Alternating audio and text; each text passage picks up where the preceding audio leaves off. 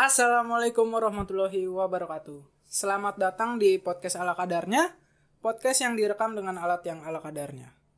Kenalin nama gue Pepi. Hmm, kali ini gue mau ngobrol sama teman gue di geografi UI. Jadi dia ini selain anak UI, dia juga fanboy K-pop. Dan dia adalah laki-laki. Gue cukup jarang nemu fanboy K-pop yang laki-laki di circle terdekat gue. Jadi buat yang mau dengerin, silakan aja dan enjoy. Itu nama IG lu Armlove tuh Army Love apa Arminius Love tuh maksudnya? Enggak. Jadi gini, kalau lo tahu nih artis Korea itu nama IG-nya itu aneh-aneh. Kayak misalnya Ayu, coba apa? Dua Warma. Terus ada lagi kayak banyak banget nama orang IG orang Korea itu aneh-aneh. Dan gue mencoba menciptakan nama IG gue yang mirip orang yang mirip kayak Korea gitu yang aneh-aneh gitu. Yang jadi muncullah ide gue kenapa nggak arm love aja gitu kan kayak love love gitu kan kayak buat gue kayak wow gitu kayak mendekatkan diri selangkah untuk menjadi lebih ke Koreaan gitu. Soalnya gue tadi kayak nemu ada Army Love. Ah, oh ada yang pakai gitu ya? Ada. Nah, nggak ada meaning sih. ARM lu nih ar, ar, nama lu apa Army nih? Enggak, yang pasti bukan Army. Eh, gue benci banget sama Army dah. Oh gue iya. benci BTS, gue benci Army. Terutama Army-Army Indo yang terlalu parah, yang ibaratnya tuh mentuhan-tuhankan BTS gitu. Kayak Kata-kata Soekarno dilawan ya sama dia. Nah iya, kan wah benci dah gue kalau army-army gitu dah.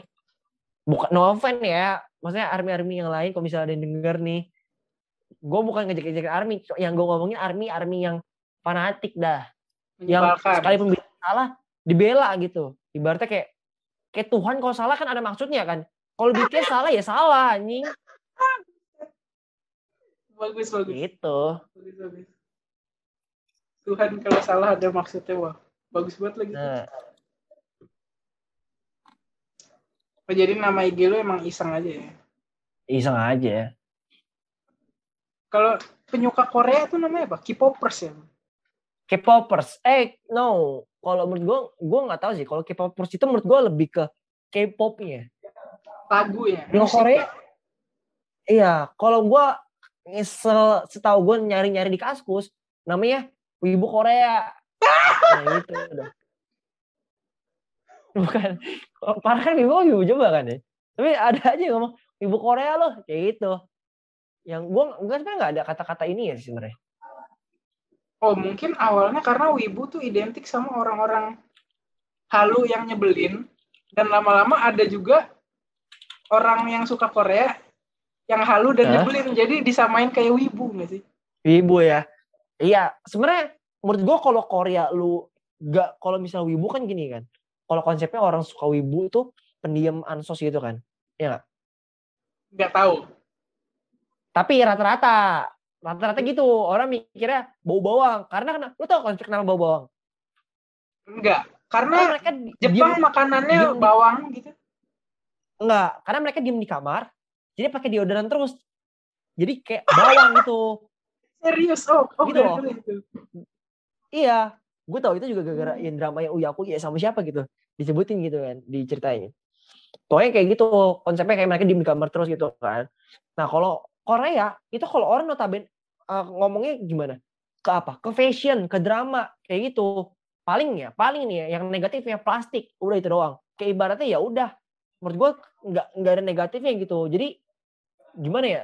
Kalau ngomongin menurut gue kalau misalnya yang halu apa segala macamnya menurut gue sekali halunya se-Korea halu halunya anak orang-orang yang suka Korea menurut gue masih di batas wajar gitu loh nggak sampai memalukannya maaf maaf nih para wibu gitu emang konteksnya kalau wibu itu udah jelek soalnya menurut gue Oh iya, tapi kalau wibu Korea tuh bukan, masih bagus wibu bukannya orang yang suka nonton eh suka aja Jepangan.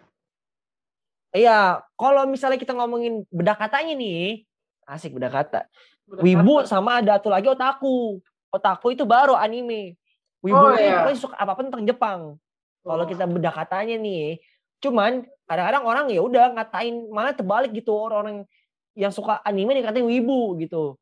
Karena ngeliatnya wibu pokoknya kalau lu bayangin otaku lu kayak no offense sama sekali gitu. Kalau wibu lu kayak berasanya kayak dikatain anjing Oh, lu kayak gitu. gitu loh.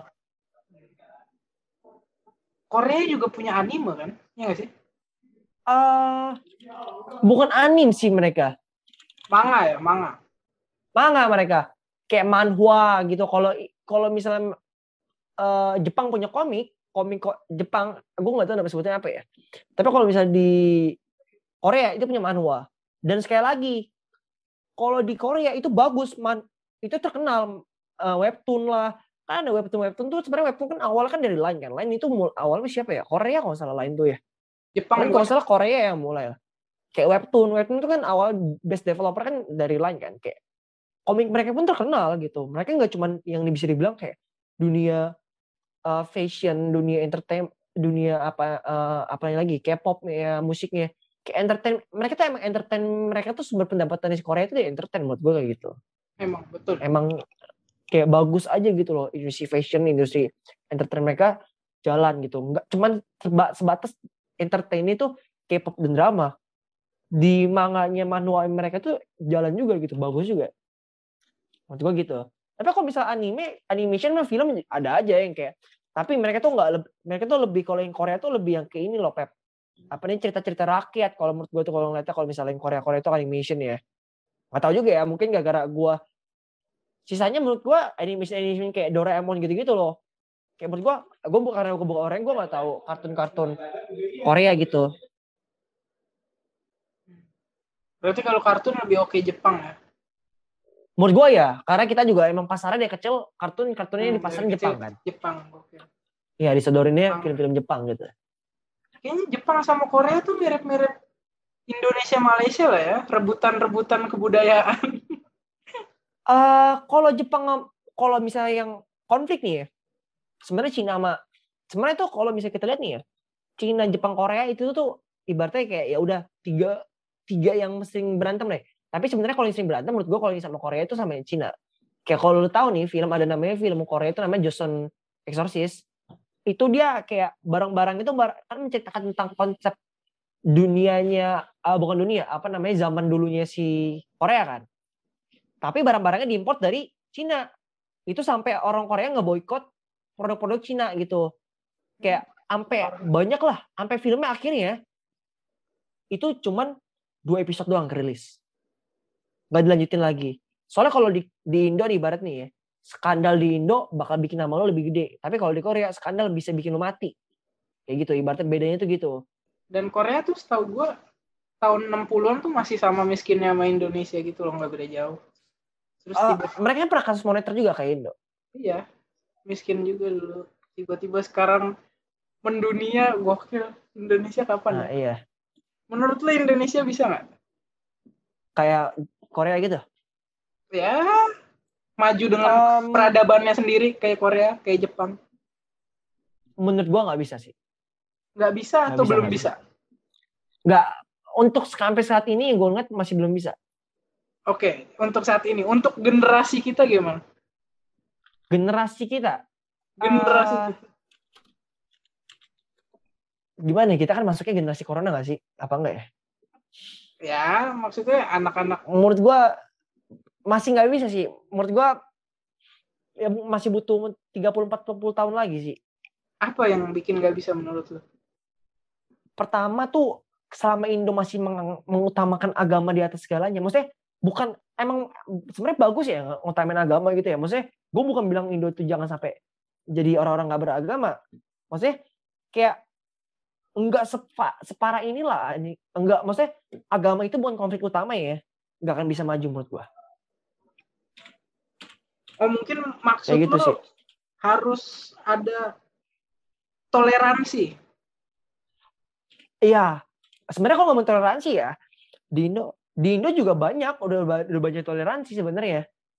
Kalau dibilang tuh udah sebenarnya toleransi juga udah banyak. Cuman sampai sekarang nih ya kalau lo tahu nih isu paling hotnya di Indo apa agama sampai sampai itu bisa diubah menurut gua baru Indonesia bisa maju itu itu itu itu pun baru step awal permulaan Tapi kayaknya kalau agama diubah, jadi gini, menurut gua agama rusuh karena ini jadi, aduh jadi berat nih. Agama rusuh gara-gara dijadiin tunggangan politik nih. Menurut gua kalau nanti Ah. agama udah damai, ini politik akan nyari sesuatu yang baru nih yang bisa bikin ya dukungan suara ke dia dan menjelekkan lawannya. Menurut gue selama politiknya masih sama, masih uh, berusaha memecah belah sih, mau agama damai, agama nggak damai, itu bakal dicari-cari aja sih rusuhnya. Oke. Jadi intinya kita bisa bagus dengan budaya kita sendiri kayak Korea dan Jepang. Kalau -hmm. apa tadi? Menurut gue kalau misalnya isu-isu agama itu bukan jadi hot isunya di uh, di Indo. Okay. Kayak kayak apa lah, misal hot isu yang yang bagus tuh misalnya apa ya? Hot isunya kayak uh, Indonesia kalah saing dagang sama Amerika. Amin dah itu ya. Kayak begitunya kayak ya yang hot-hotnya itu yang yang ya emang bener-bener buat kayak teknologi kalau nggak growing growth Indonesia bukan masalah isu-isu internal. Hmm. Karena menurut gua kayak coba lihat Korea paling apa? Paling mereka itu skandal-skandal kalau enggak kalau misalnya Jepang eh kalau misalnya Cina sama AS apa? Perang dagang kayak yang udah internasional gitu isunya yang hot di mereka gitu. Kalau enggak apalah kayak Cina paling apa sih yang paling uh, parahnya isu internalnya kayak kemarin paling tuh yang isu apa uh, polusi ya polusi mereka masuk ke Korea gitu-gitu terus apa yang kemarin sempat demo demo pun itu di Hong Kong ya kayak ya gitulah kayak bukan jangan menurut gua semua negara ada plus minusnya sih tapi kalau Indo kalau mau maju menurut gua terus ya itunya sih dibenahin aja ya itunya lah isu-isu segala macamnya balik lagi isu-isu ya balik lagi ke orang-orang yang berkuasa kan kalau yang itu iya. mah. Balik lagi yang orang berkuasa itu pasti ada parpol. Balik lagi parpol ya pakainya apa sistem negara Indo itu kan hukum negara Indo ya baik lagi lagi lagi baik lagi nantinya ujung-ujungnya ke mana ke landasannya landasan awalnya gitu. Jadi sebenarnya kalau mau ditarik ke akar-akarnya emang dari awal itu udah salah sebenarnya sih. Hmm. karena mungkin kalau isu agama agak agak susah didebatin ya karena beda Tuhan beda iya. keyakinan. Nggak iya, ketemu tuh. uh, ketemu.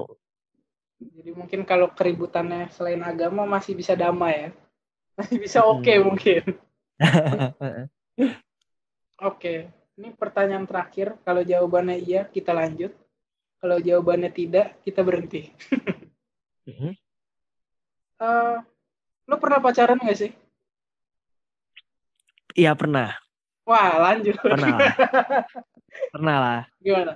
Apakah pacar lo juga uh, penyuka Korea? Atau jangan-jangan lo uh, diracunin sama pacar lo?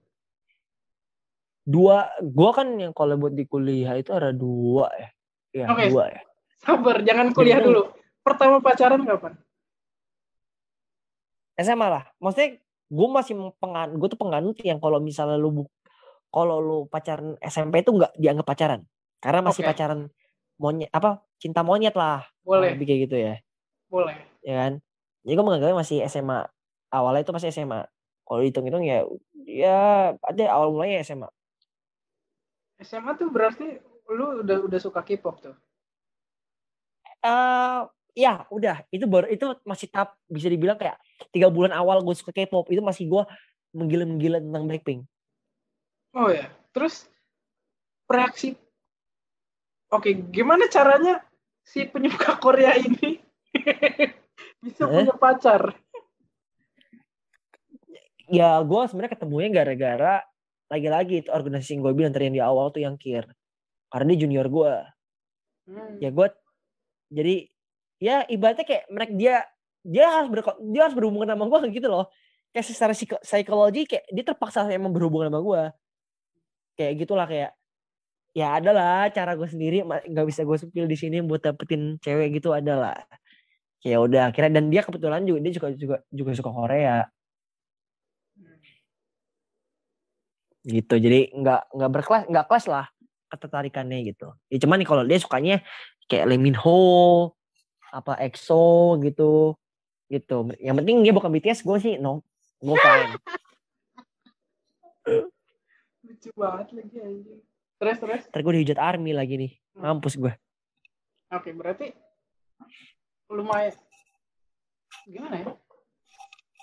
Berarti kayaknya stereotip Korea buat cewek itu salah ya? Uh, mungkin kalau lo awal-awal uh, let's say lah sampai SMP mungkin itu stereotip itu masih berlaku tapi kalau udah SMA menurut gue udah enggak at, at, atau kurang kurang lebih kayak gini misalkan lu masih hidup di tahun 2010 itu masih berlaku lah. Lepa, uh, lewat dari itu menurut gue itu udah gak berlaku. Karena emang awal mulanya emang K-pop itu disukai sama orang Korea. Menurut gue kayak gitu. Eh salah kebalik K-pop itu eh Korea Korea itu di awal mula disukai ini sama cewek-cewek. Emang mulanya cewek-cewek cuman lama kelamaan ya cowok masuk gitu. Karena kan dulu kan kesannya gini kayak kalau cowok masuk ke model baju gitu fashion itu kan disebutnya bakal lenje banci lah. Hmm. Sekarang orang-orang udah lebih open minded di mana cowok pun bisa pakai baju cross ada sebetulnya namanya cross cross dress ya kalau nggak salah. Itu tuh di mana cowok pakai punya cewek cewek punya punya cowok kayak udah bebas gitu sekarang kayak orang-orang lebih open minded gitu loh. Jadi lebih bebas aja sih menurut gue jadi menurut gue jadi jadi stereotip stereotip gitu kayak stigma stigma masyarakat juga berubah gitu lah. Seharusnya gitu harusnya mengikuti ya. Tapi ada aja orang yang masih ketinggalan uh, pola pikirnya. Jadi masih menganggap itu itu kayak gitu. Banyak lah itu di di kalau lo main TikTok tuh banyak banget sampai kemarin ada kasus tuh orang menghujat-hujatkan Korea. Benci banget sama Korea gara-gara itu. Kayak gitu sih menurut gua oke terakhir deh uh, kira-kira apa pesan lo buat orang-orang yang baru suka Korea sekarang kayak pesan gue ya uh, kalau lu mulai dari K-pop, buat gue jangan lu boleh suka sama suatu band, tapi jangan sampai lu fanatik lah. Gimana cara lu nggak fanatik? Lu ikutin K-pop K-pop yang lain, band-band yang lain, biar lu nggak fanatik sama satu orang. Itu satu menurut gue. Dan menurut gue kalau misalnya lu emang pengen masuk ke dunia Korea, maksudnya emang ya udah emang lu demen gitu ya. Kayak uh, jangan lu jadi kayak orang-orang yang mikirnya, oh ini bagus banget nih ini ini tuh paling bagus ini tuh gak ada lagi tandingannya. Lu tetap keep uh, keep option keep open ke kemungkinan lain. Siapa tahu lu nantinya bakal suka yang lain gitu kan. Ya ya udahlah jangan terlalu kayak fokusin sampai itu tuh menjadi jalan hidup lu cuma nonton doang gitu sampai istilahnya orang ngomong lu wibu Korea jangan sampai kayak gitu lah itu sih yang menurut gua. Oh. tapi ada lah fase-fasenya di mana orang ya lu kalau suka Korea pasti lo edik temen jangan sampai itu menghancurkan hidup lo kayak gitu sih gue oke dengan otak gue yang udah ngantuk ini gue menyimpulkan kalau lu suka Korea jangan goblok gitu lah ya. Ya kurang lebih seperti itu bahasanya Pep. Okay. ya. Terima kasih Tristan atas waktunya. Oke. Okay. oke. okay. Terima kasih sudah mendengarkan podcast ala kadarnya. Sampai jumpa di episode-episode berikutnya. Dadah.